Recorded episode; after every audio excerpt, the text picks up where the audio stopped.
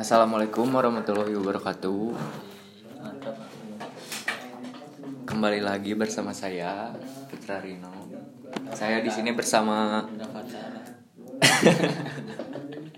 bersama Habib Nurdin. Amin. Amin amin. Apa kabar? Alhamdulillah baik. Gimana kuliah? Kuliah lancar banget saat ini. Alhamdulillah. Bono gimana sekolah sekolah? Sekolah aku PKL ah, online. Eh, mantap. Capek. Mau ya ini. Nah, gitu. PPL gimana?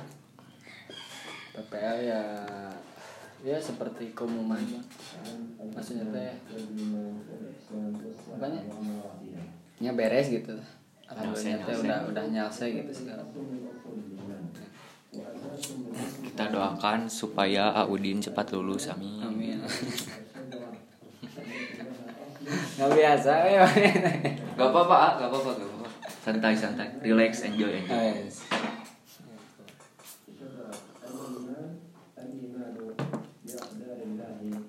Terus ah, kan A PPL. Hmm.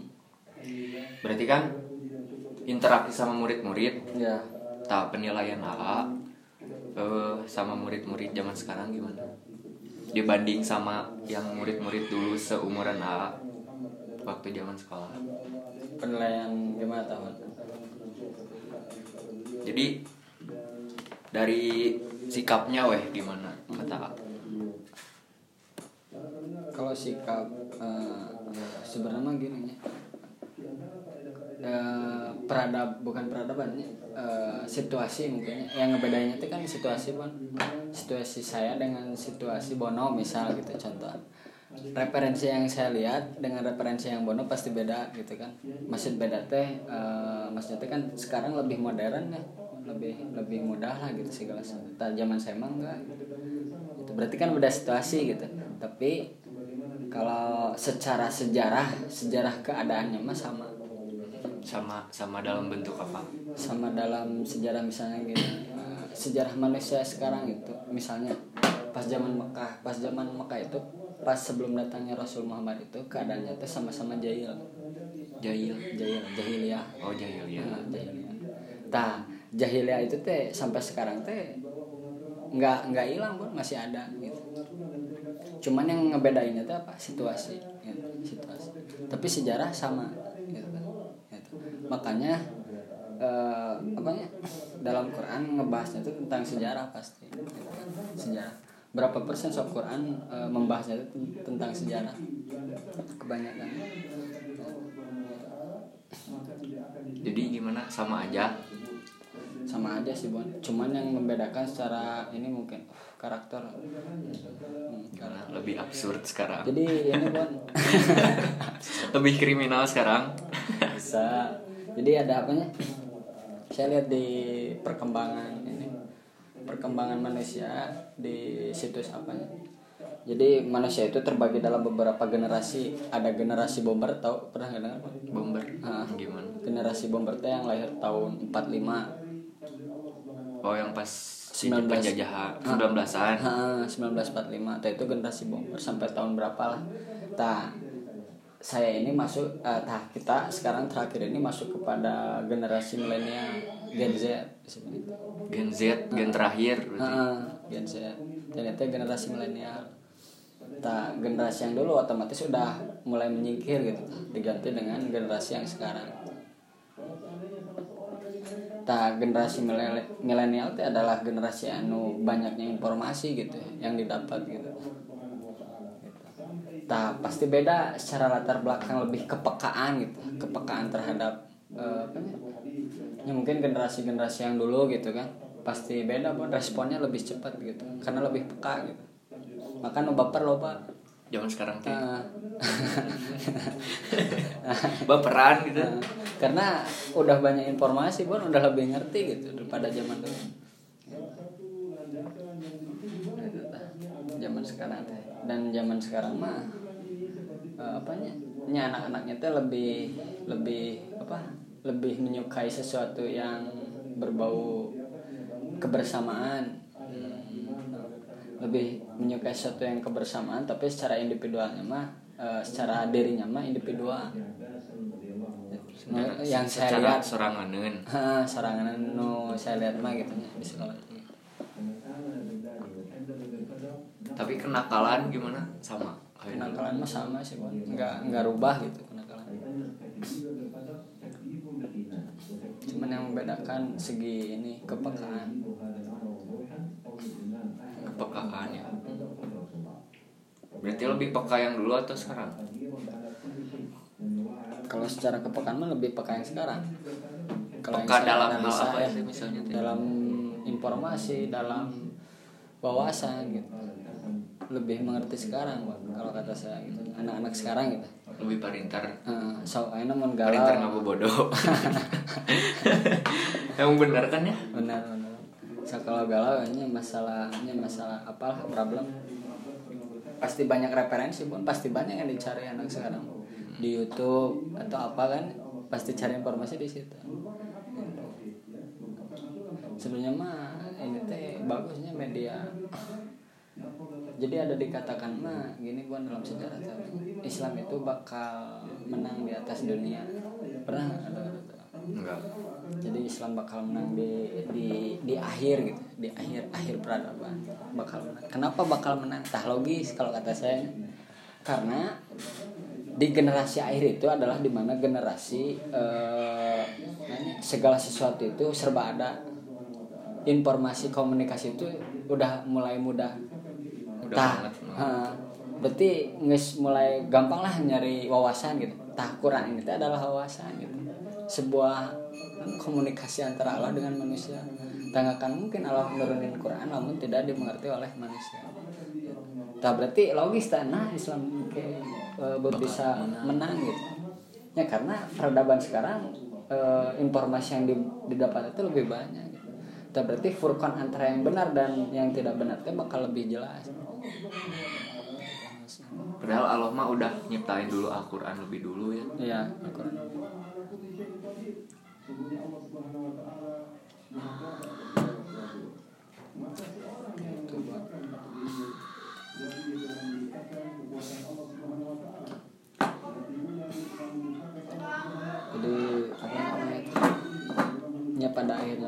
Membedakan hidup eh, menurut saya gitu.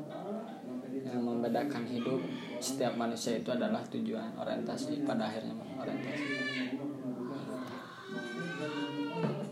Tah, orientasi yang dibangun bukan dari dasarnya akidah atau Allahnya nya bakal hangus bakal berakhir Tah Allah Allah di sama teh di perumpamaan gitu. Di surat Quran teh ada di surat At-Taubah ayat 24 jadi jika kamu mengambil pelindung gitu, rumah atau pelindung kan rumah itu pelindung. Yang rumah itu teh pelindungnya teh bukan dari Allah gitu teh. Bukan dari Allah gimana maksudnya. Nah, maksudnya teh jika kamu mengambil pelindungnya mengambil pelindung atau gantungan yang sesuatu bergantung itu bukan kepada Allah gitu. Maka itu teh adalah nanya maka ku Allah teh diperumpamakan seperti rumah laba-laba Bon. jadi di mana rumah laba-laba teh adalah rumah yang paling rapuh jadi rumah nu paling labuh cak Allah teh rumah laba-laba Nah, kalau kita bergantung, bergantung sesuatunya bukan pada Allah gantungannya bakal kayak rumah laba-laba. Ku angin oge geus rusak. Bakal non goyang nanti cepat gitu. Depresi stres nanti cepat ketika ada problem gitu nih. Ketika ada wah cepat stres. Nggak ada rumus yang disimpan gitu tah maksudnya. Tah Quran teh sebagai rumus sebenarnya mah kalau kata saya. Jadi Quran itu seba- sebagai rumus ketika ada problem tuh kita udah punya rumus buat oh berarti kita harus gimana gitu Tah, kalau zaman sekarang mah kan galau dikit mabuk tak gimana itu tuh Nah, tah itu teh nggak ada rumus buat gak ada rumus ya? Nggak ada nggak ada rumus yang disimpan. gitu kalau soal matematika mah langsung jawaban. Langsung jawaban buat jadi ketika ada soal jawaban yang salah. Nah. Nah bener gak bener kan? Jadi kalau ada soal pun kalau misalnya kita belajar matematiknya pasti kita dikasih soal lah tentang perhitungan. Nah, kalau kita dikasih soal matematik, nah soal itu bisa dibaca dengan apa? Dengan rumus kan? Pasti dengan cara cara menjawabnya gimana kan gitu kan udah ada logika gitu logika di matematika kalau kalau kita nggak sesuai dengan rumus itunya bakal salah mantap mantap jadi manusia oke kalau ada problem kalau dibaca atau diselesaikannya bukan dengan rumus Allahnya bakal salah pada gitu. iya sih benar ya selalu benar ya kenapa? Nah gitu. harus menggali lebih dalam ini mah ya. Nah, makanya di sini kita ini bon apa berjamaah gitu. Bahasanya berjamaah bareng-bareng untuk mencap apa? Bareng-bareng untuk menuju jalan kebaikan gitu.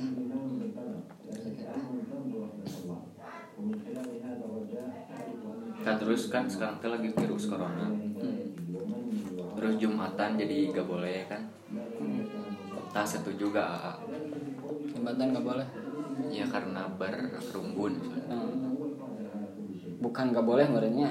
dia Cuma di, dibatasi dianjurkan mungkin. zaman dulu lah setuju gak Oh, kalau misalkan ada apa namanya?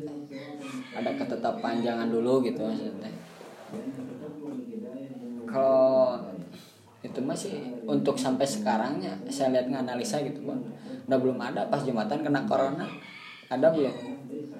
gak tahu lah gak ada kayaknya Nggak ada. Dan soalnya aku mikir apa orang yang mau ke ibadah ke masjid Nah, gak mungkin atau misalnya teh dia teh pulang dari dari apa dari misalnya teh kotor-kotoran langsung ke masjid gak mungkin kan dia minimal wudhu dulu bebersih tahu mikirnya teh gitu ya.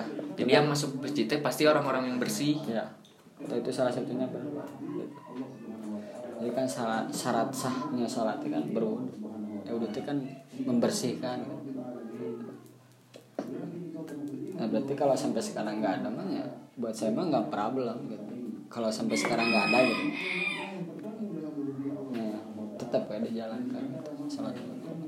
terus sholat social distancing satu meter Hmm. di mana aku mah risih dah sholat jauh-jauhan gitu teh asa gimana Pernah Bon ada di mana? di masjid aku gitu Oh satu meter. nggak satu meter berjarak sumpah berjarak Oh. Oh, kalau yang di, kotaknya? di masjid Cibeber mah enggak Oh. itu mah ya bebas gitu. normal lah Oh, normal. kalau di masjid yang di sana. Di kotak gitu berapa kotak ini gitu? Jadi bisa. Terus sekarang mah nggak pakai sejadah di masjid. Hmm. bawa sendiri. Jadi tirisnya. Jadi- risih weh. Sholat pas jauh-jauh teh segimana mungkin itu mah ini bon bentuk apa namanya teh? bentuk keamanan Antisipasi ya. antisipasi, antisipasi dari negara mungkinnya salah satu Gitu. tapi yang untuk menjadi prinsip kita mah ya nggak boleh luntur prinsip mah gitu iya ya itu mah bentuk apa bentuk keamanan negara lah mungkinnya bahasa nanti itu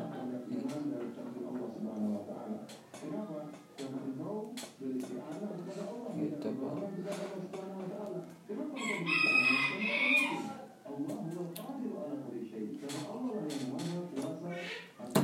nah berarti gimana jadi teh kalau misalkan apa nih tadi kan uang Tan- tadi pertama yang aku nanya pertama Eh, bedanya pemuda sekarang sama pemuda zaman AA eh, berarti jawabannya apa? Bedanya bedanya situasi. Situasi doang ya? Situasi. Situasi. Tahu untuk karakter sendiri mah kepekaan. Kalau menurut saya kepekaan. Kepekaan anak sekarang dan dulu beda. Tapi kenakalannya lebih lebih parah mana? Sekarang sama dulu. Sama bon. Sama. Parahnya sama. Sok dulu pas zaman nabi parah mana nyembah berhala? Jelas itu. Iya sih. Malah sekarang mah jarang ya. Paling rata-rata mah lebih lebih kepada nilai ininya bon. Nilai niat kepada Allahnya sekarang. Lebih Iya diarahinnya kepada secara berhalanya mah kan enggaknya itu teh di artikel dulu mah kan berhala sekarang mah berleha-leha dalam ibadah. Tah, itu benar. bener kan? Ah. KTP Islam sholat enggak. Nah, tah itu kan sama aja ya? Tah itu Bon. Terus sekarang umat muslim di Indonesia, Bon. Berapa persen? Paling banyak eh, kalangan muslim atau non muslim? Indonesia teh Ah. muslim Berapa persen? Menurut Bono we, menurut Bono. menurut aku Ah. ini ngasal ya Heeh. kalau di KTP hitungan KTP yang Islam 65an 65. berarti sisanya Kristen 35 sisanya non muslim bukan Kristen non muslim oh non muslim oh, oh. tapi yang saya ngebaca mah Bon, 83 persen muslim Muslim. Indonesia itu kebanyakan itu nah atau 65 lah nggak apa-apa lah 65 berarti lebih besar jumlahnya jumlah lebih besar ya dominan dominan mayoritas nah, mayoritas nah sekarang ini pertanyaannya gini Bon.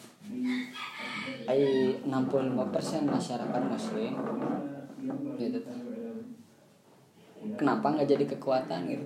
Nah nanti juga pas zaman Rasul berdirinya nanti juga. Arab Nah, gitu, gitu ya berdirinya Madinah misalnya. Kenapa nggak jadi kekuatan? Padahal latar belakang muslim. Eh muslim Mayoritas nah, muslim. nah. eh muslim teh apa? Seseorang yang berserah diri kepada Allah. Berarti seseorang yang berserah diri terhadap aturan-aturan Quran gitu. Nah kenapa sekarang 65% itu gitu? malah yang 65 persennya ente sekarang Heeh, heeh, padahal di KTP Islam heeh. nah itu. Nah ya kenapa? Padahal udah kebanyakan. Eh udah kebanyakan.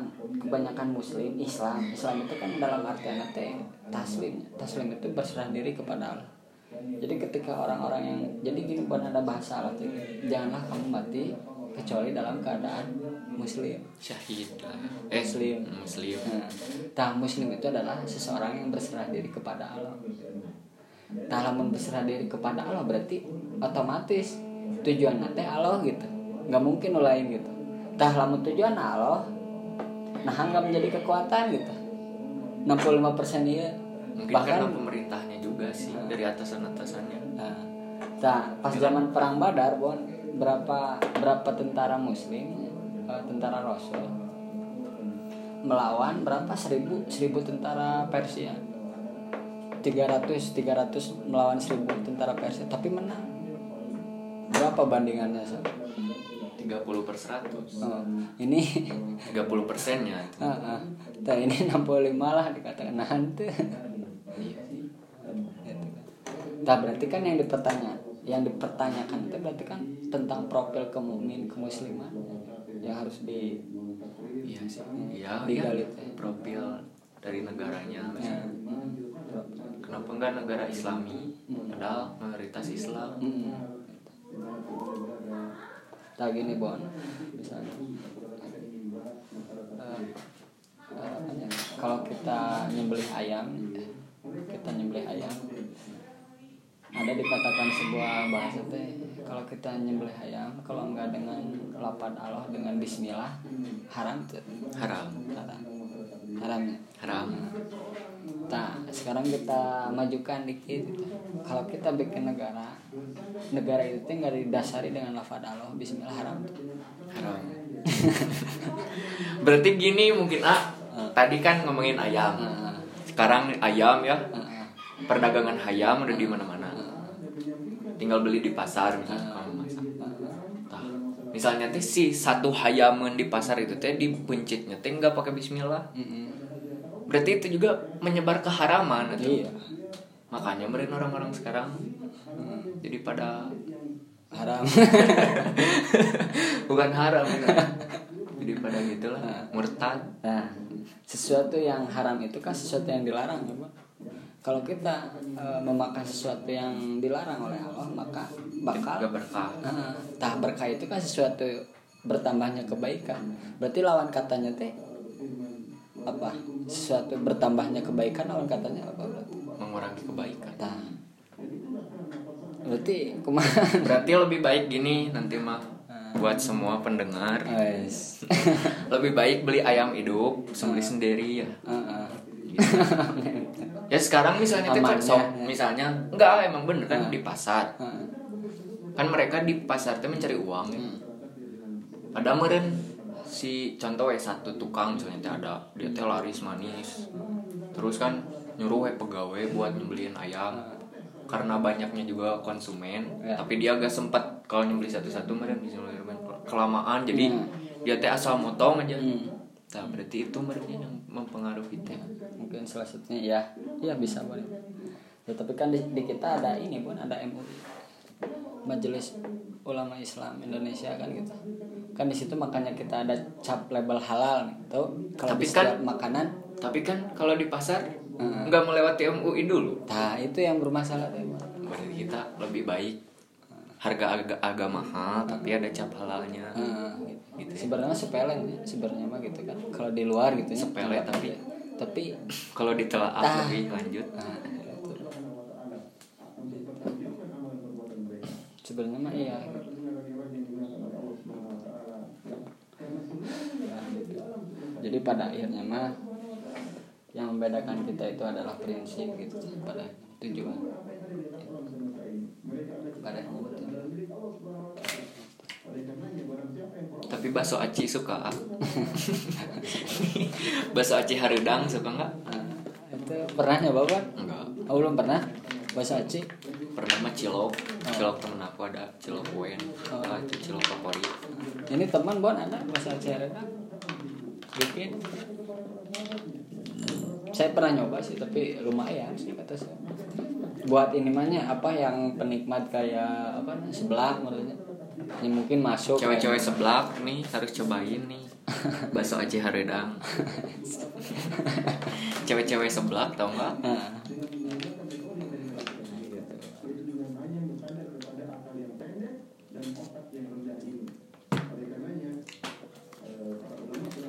berarti prinsip bon pada ketika apa namanya ketika Bono misalnya teh di jalannya ada batu misalnya teh di tengah jalan teh yang bakal mencelakakan orang lain.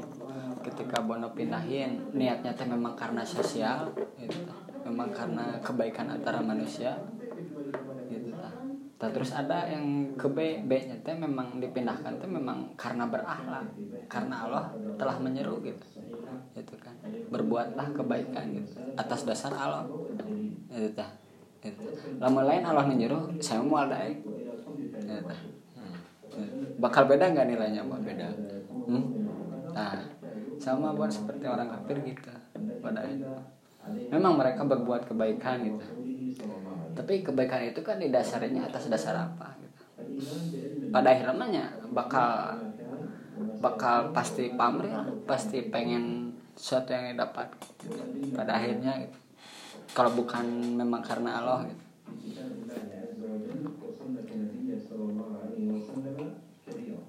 kayak gini bon moral etika akhlak moral etika itu dilahirkan dari budaya dari habit.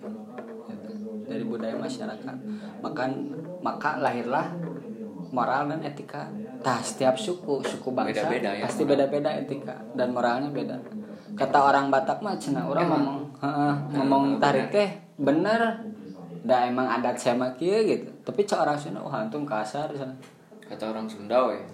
Ini emang ngegas wae. Nah, tah. memang gitu ya. emang gitu gitu tah berarti kan moral dan etika teh lahir daripada budaya gitu pada daripada budaya. Tah kalau akhlak enggak bon beda. Dari diri masing-masing. kalau akhlak itu dari Allah gitu. Lahirnya tuh jadi lah akhlak itu sesuatu eh, yang dilahirkan dari sikap seorang mukmin muslim gitu. Akhlak. Jadi akhlak kita kepada manusia kayak gimana gitu? Akhlak kita kepada budaya Sunda kumaha? Nah gitu. Jadi jadi nggak ada pemisah pada akhirnya akhlak mah. Gitu. Gitu. Kan zaman sekarang mah ada kata-kata gak ada akhlak ih Hmm. orang teh. ada kan tahu kan? Gak ada akhlak ih gak ada otak. Karena akhlak itu adalah sifatnya itu universal Iya sih. Menghargai ya. menghargai tak akhlak itu adanya itu di Islam akhlak nggak ada di Kristen akhlak pembahasannya karena akhlak mah lahir dari sesuatu profil mukmin muslim yang baik dan unggul gitu nah, Yang sesungguhnya yang sesungguhnya dari Maka- muslimin. Nah, maka lahirnya akhlak. Nah, makanya kan eh, level manusia terhadap Allah kan bisa dibedakan dari dari tiga opsi, Bang. Yang pertama dari fikih. Oh, udah pernah cerita belum? Belum. Dari fikih, ada fikih yang pertama. Fikih teh hukum. Nah, yang kedua ada akhlak. Nah, yang ketiga ada cinta. Nah, ini eh, level profil muslim di hadapan Allah. Nah kalau kalau kalau apanya kalau fikih itu terbatas bukan kalau hukum pasti terbatas hukum misal contohnya kita lihat kekurangan hukum kita lihat kekurangan ketika Bono misalnya tuh di jalannya di pinggir jalan lihat anak kecil nggak makan dua minggu terus lihat anak kecil gak makan dua minggu gimana caranya? Ah, gimana? Sok nanya ini pertanyaan yang ah.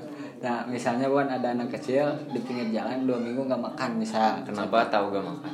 Ini- dia nulis nulis saya gak makan dua minggu. Atau gimana? Nggak misalnya kan kelihatan baru aduh lariku oh gitu. misalnya teh kelaparan lah. Ya kelaparan. kelaparan di pinggir jalannya wah udah lapar udah berapa minggu nggak makan. Nah ini kita lihat dari kacamata fikih akhlak eh kacamata hukum. Ketika Bono ninggalin anak itu Bono bakal dihukum nggak? Ke negara? Jadi enggak enggak Bono nggak Bono dihukum. Teh gara-gara teh nolongan budak lagi tapi peraturan Ada nggak? masa gak ada. Nggak ada kan? Nggak ada. Nah, berarti terbatas Bon. oh iya fikih mah terbatas. Berarti bisa sampai situ gitu tak kita majukan kepada akhlak tak ketika Bono lihat anak kecil di pinggir jalan kelaparan nggak makan. Kalau Bono Tapi ninggalin nah, Bono ninggalin akhlak Bono gimana? Gak ada akhlak kalau enggak kalau pandangan akhlak gimana? Salah. Pandangan akhlak mah ya anjir cina gak ada akhlak nih. Kata aku beliin roti kayak atau Nah, apa. Salah kan? Salah. Nah kan berarti beda Bon itu. Oh iya, iya. oh, beda kalau dalam hukum mah gak apa-apa ya dah Hmm. iya sih benar. Karena hukumnya terbatas Bon pada mah hukum hukum terbatas makanya eh, apanya manusia itu kan bisa sampai tingkatan ketakwaan itu kan berarti udah ngelewatin beberapa fase fase-fase yang pengetahuan yang ini gitu. pada tak kita naik ke ke cinta bon yang terakhir Tah, ini level yang paling tinggi di hadapan Cinta ya. cinta Gitu. Nah, kalau Bono berarti ketika tadi lihat itu dari kacamata akhlak salah. Kalau cinta mah berarti Bono nganggapnya teh, wah anak itu teh lebih penting orang nolongan itu teh tibatan diri orang gitu. Jadi Allah lebih penting daripada diri orang. Agenda Allah lebih penting daripada agenda orang. Nah, gitu pada akhirnya. Jadi agenda Allah gitu. Kahayang Allah lebih penting daripada kahayang orang. Nah itu pada nah itu cinta mah. cinta yang sesungguhnya Nah cinta yang sesungguhnya. Karena cinta mah nggak ada pamrih buat pada akhirnya. Cinta. Kalau cinta ada pamrih berarti bukan cinta. tapi Nyata mah ayam kahayang. bener sih emang bener ah ada Nyata mah ayam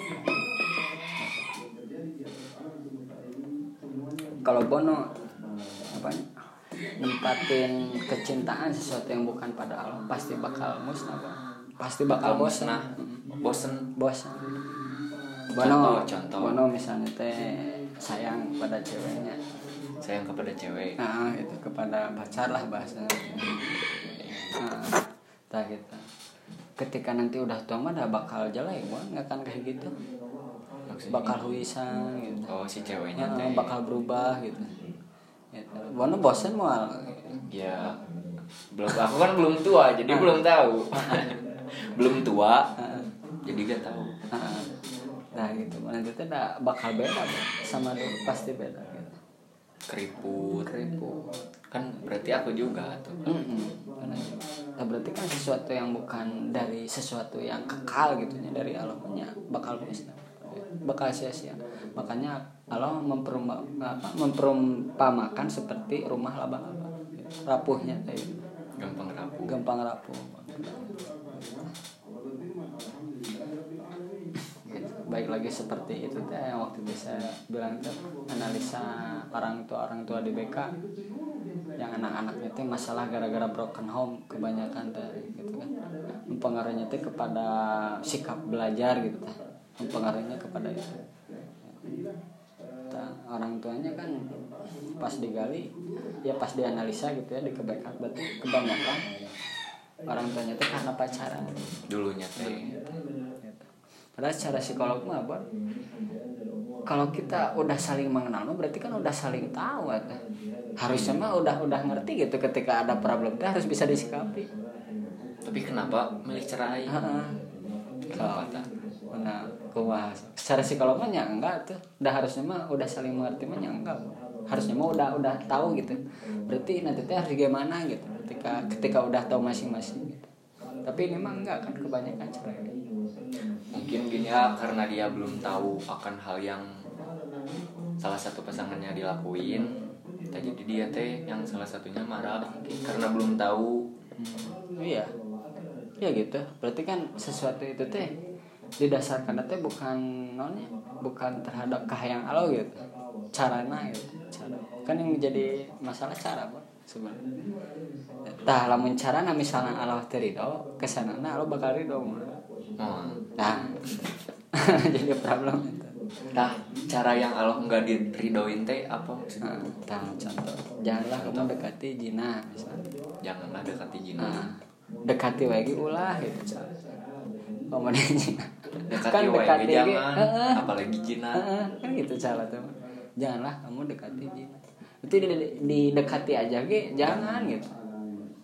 Kemudian dilakukan kan gitu. Kalau mencara itu udah salahnya bakal salah ke sana. Tidak kekal ya. Tidak kekal pada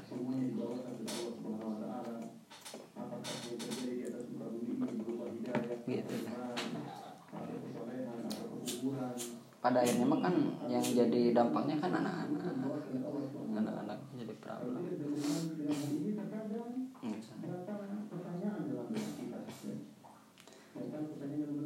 Itu akibat satu permasalahan gitu kan. Karena kan nikah ini tuh sesuatu yang sakral Bang. ah suaranya gedein agak agak nih bisa kalah sama itu. Uh, gitu. Jadi nikah itu adalah sesuatu yang sakral gitu. sakral saking sakralnya ada Allah tuh mengatakan gini cerai itu tidak dosa. Cerai tidak dosa. Tidak dosa. Tapi dibenci oleh Allah. Itu kumaha? Tapi dibenci. Cerai mah nggak dosa Bang, kata Allah tapi dibenci oleh Allah. Berarti kalau cerai gak akan dapat hukuman di akhirat? Enggak tapi dibenci oleh Allah. Berarti lebih baik jangan. Jangan cerai. Nah. Makanya ada di ada bahasa gini ketika ada anak Adam cucu Adam ketika di keluarganya bercerai eh, di langit arsy itu bergetar saking dahsyatnya. Gitu ada itu saking saking ku dahsyatnya gitu. Langit arsy itu sampai ke bergetar. Dosa mah enggak? Cuman Allah benci gitu. tidak menyukai. Tidak menyukai.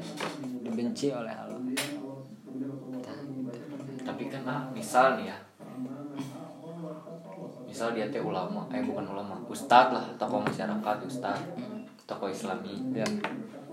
Terus dia teh cerai misalnya sama istrinya. Pun masih ada bang itu gimana? Habis. Lagi. Ah, gimana? Gimana bang kan misalnya teh ada tokoh masyarakat lah Hmm. ustad. Hmm.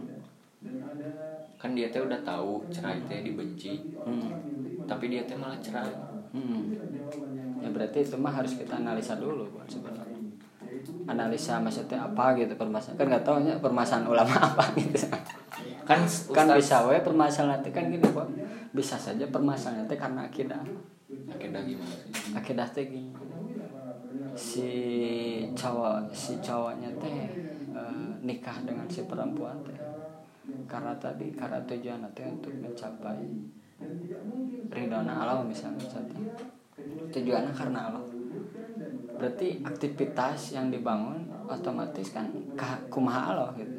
Misalnya eh, namanya contohnya teh untuk menegakkan eh, apa namanya kaum mukmin muslim yang baik dan unggul gitu. Tah di situ kan misal gitu. Si ceweknya teh pasti banyak agenda kan. Nah sih teh ya misalnya contoh kecil ini mah nah sih nggak teu teu aya liburan gitu. Nah sih teh teu juga nu lain lah umum gitu. Cari uang misalnya teh buat anak istri. Nah sih teh umum. Nah kan itu masalah kita masalah tujuan. Kan beda itu mas Ridwan kalau udah berbicara, berbicara masalah prinsip. Kan ulama nggak tahu masalah apa gitu. Bisa masalah itu gitu. Nah kan sekarang mah lagi usum kan. Hmm. Ustadz Ustadz cab Ustadz Ustadz cabul. Hmm. Mau kerusum. Eh bukan kerusum maksudnya teh banyak lah Ustadz Ustadz cab mencabuli yang santri-santri Terus oh gimana? di pesantren gitu? Itu bagusnya gimana ya? Dibunuh Tapi tahu kan ah, kasus salah satu eh Pasti pernah dengar lah yang Ustadz mencabuli ini Gitu-gitu. Nah itu udah gak cocok jadi Ustadz ya kalau gitu. Ya iya itu. Pasti mungkinnya ai cabul mah. Ai cabul mah gitu. Berarti kan gak sesuai gitu. pasti itu tapi dah untuk kita mah ya. Eh, apa namanya teh? Untuk kita mah ya. Mendingan kita mengurus masalah yang penting itu di hadapan Allah. Nah gitu kan bener tuh gitu. udah we itu mah gitu. Ada ada hukumnya gitu hukumnya di negara ada hukum gitu tuh di negara juga ada hukum gitu. di akhirat. Di akhirat pun ada hukum gitu. Gitu tapi kan menurut orang ya skala memperkosa teh menurut orang yang misalnya nggak nggak beragama juga udah parah lah ya memperkosa. Ya. Nah, sedangkan ini ustaz. Hmm. ya parah. parah we. Hmm. parah parah semana itu. Itu. Berarti gimana nih caranya kita menjadi profil mukmin muslim yang unggul di hadapan Allah? Tah itu. Menjadi poin apa? Berarti kumaha gitu. terus kan sekarang ada ustadz yang yang apa apa teh duit. Hmm. ada. Yang ngejual ayat Allah mungkinnya. Hmm, ada banyak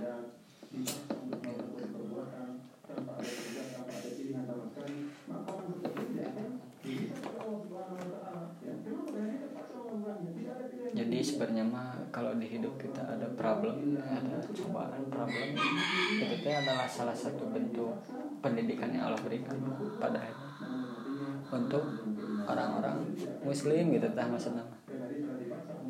Kita cobaan itu Allah berikan itu kepada orang-orang yang beriman bukan orang-orang yang tidak beriman. Gitu.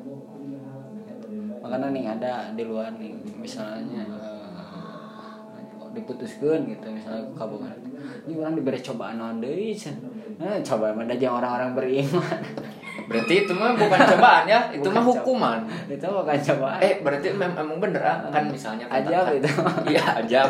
Misalnya kan tadi kata gini. Eh, apa? Jauhilah jangan dekati jina. Iya.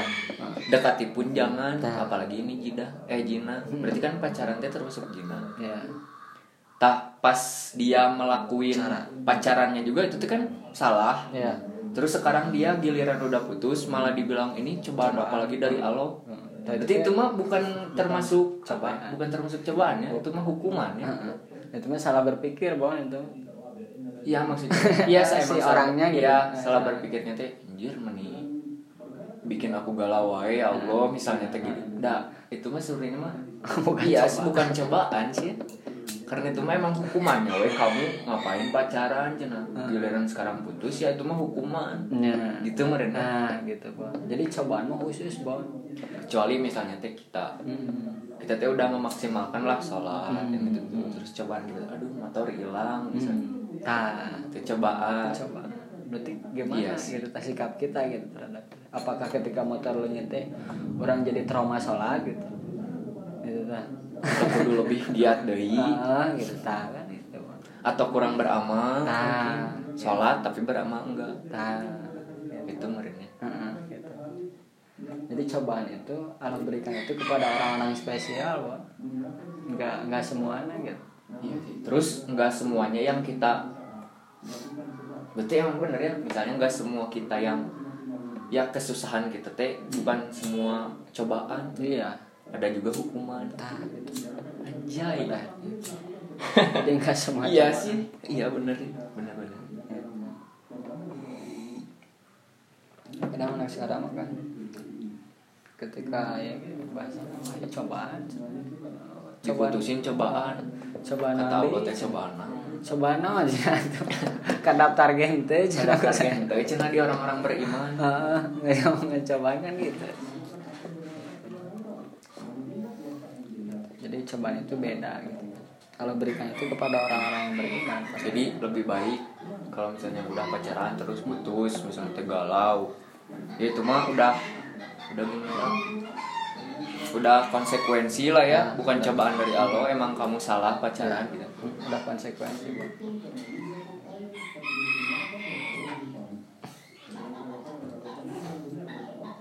tapi ah dulu pernah pacaran? Pacaran pernah lah dekat sama cewek Oh, dekat dekat udah deketin berarti. Deketin cewek. Udah deketan berarti. Mm-mm. wah itu mah kapan bang ya tapi pernah lah ya. Ah, pernah. Dulu. Tapi sekarang mah udah tahu. Udah tahu. Ya maksudnya teh udah tahu itu teh apa-apaan. Itu udah sedikit sadar mungkin bang udah mulai sadar gitu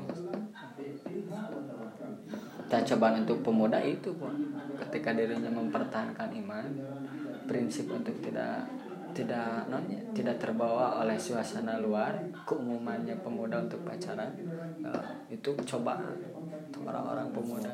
Oh benar. Orang-orang misalnya teh gini gini nih kan suka ada. Jangankan temen aku aku lah ya Hmm. misalnya. Sendiri nih bawa motor sendiri. Nah. Terus kanan kiri teh pada pada pacaran bawa cewek bawa pelukan di motor nah itu baru cobaan ah itu cobaan jangan sampai kita kayak gitu Ah, itu coba.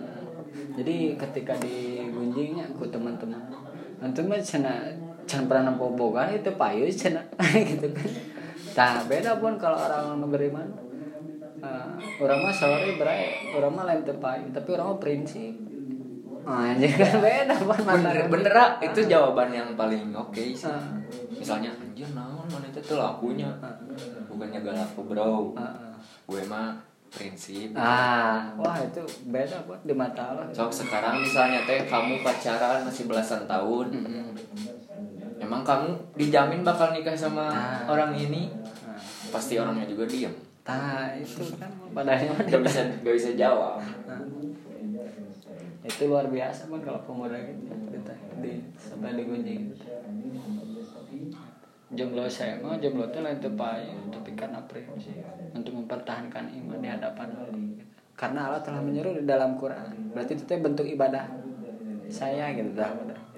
Itu bentuk ibadah orang ketika orang mempertahankan Quran di dalam hidup orang gitu. Untuk mempertahankan prinsip. Wah. Prinsip gak pacaran. Wah itu luar biasa bon ya dapat. Karena lamun geus tua mah geus beda bon nilai amal lagi. Makanya pemuda mah menjadikan tombak pada. Yang umur-umur kayak Bono gitu kan. Kayak Bono mulai naik-naik nah, itu tuh menjadikan apa? nilai yang besar di hadapan. Bahkan ketika mati teh ditanya mah eh, soal umur umur di masa muda teh dihabiskan untuk apa?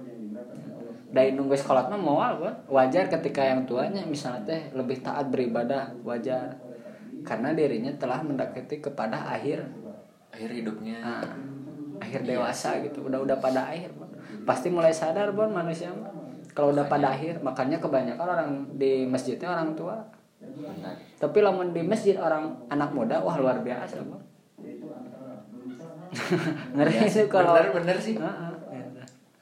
Gitu. Dan di psikolog juga di di psikolog juga nya tentang kepribadian juga yang tua mah lebih cenderung kepada nilai-nilai kebaikan gitu. Kalau udah tua itu semua udah mulai sadar. Pasti. Walaupun ada Makanya lebih bagus mas sadar dari sekarang Ah. buat pemuda. Tah, umur muda ini adalah umur yang emas di hadapan Allah. Umur, Umur emas yang buat ngelakuin yang ibadah. paling bernilai gitu di hadapan. yang Jadi- bisa tahan diri. Nah. Jadi kalau muda udah beda dengan kebanyakan peradaban sekarang nah, berleha-leha misalnya dengan gaya habitnya gitu. Tapi dia mempertahankan sisi makna Quran, wah itu luar biasa. Gitu. Jadi di masjid aki-aki mah biasa. Tapi di masjid budak ngoral itu luar biasa. Gitu kan. Tapi kan misalnya teh masjid banyaknya teh ustad yang udah tua lah. Terus ada pemuda misalnya pengen ngeimamin, boleh gak? Ya boleh. Boleh. Berarti syarat nantinya udah mengerti, Udah punya ilmu lah ya. Ah, udah punya ilmu. Gak apa-apa. Jadi umur muda itu umur yang paling Allah pertanyakan gitu. Seperti Rasul kan pas umur mudanya udah habis untuk dakwah. Jadi terawah ketika nge sekolah teh. Jadi misalnya teh muda muda nanti apreng nih nya ngecapruk misalnya teh. Ketika nge sekolah nge mulai sadar ada umur ngaran lagi nge bayar jangan cuma coba. Gitu bakal beda. Pada akhirnya gitu. Sok Musa bin Umair umur berapa? 17 tahun bisa eh nanya teh umur 17 tahun teh bisa menyatukan kaum dua dua suku. Yang di mana dalam sejarah teh dua peradaban suku ini teh belum pernah akur. Wah itu udah berapa tahun dari nenek moyang. Tapi sama eh, ku Rasul teh diberi amanah Musa bin Umair teh untuk dakwah. Dakwah untuk menyebarkan wahyu Allah gitu. Biar satu tujuan. Heeh, biar satu tujuan. Tadi didakwahi lah oleh Musa bin Umar. Umur 17 bon berhasil. Tah meninggal Musa bin Umar teh di medan perang ketika megang benderanya ku musuh orang kafir teh di dipanah di mana jadi orang kafir teh di cerita nanti ketika perang teh Musa bin Umair megang bendera ada Rasul gitu kan. Tah orang kafir teh ngarah ke Rasul gitu itu kan pada di saat semua sahabat nanti ker nonnya ker nguruskan perang gitu wah ker riweuh lah gitu. Zaman Itu- sekarang mah tawuran lah. Heeh, tawuran. Tah Musa bin Umar teh lihat orang kafir teh ke mana Rasul? Gitu, tah ku Musa bin Umar teh langsung dihalangi langsung kena Musa bin Umar. Itu pas udah kena eh, otomatis labuh tehnya dipegang si bendera teh ku tangan kanan ketika ke tangan kanan si tangan teh di, di ditebas oleh orang kafir teh Bon. ditebas dipegang deh tangan ditebas deh. Sampai ke ya. Kan luar biasa. Tapi benderanya masih berdiri. Masih berdiri. Mantap itu benderanya kaum muslim kita itu orang-orang yang eh, syuhada syuhada.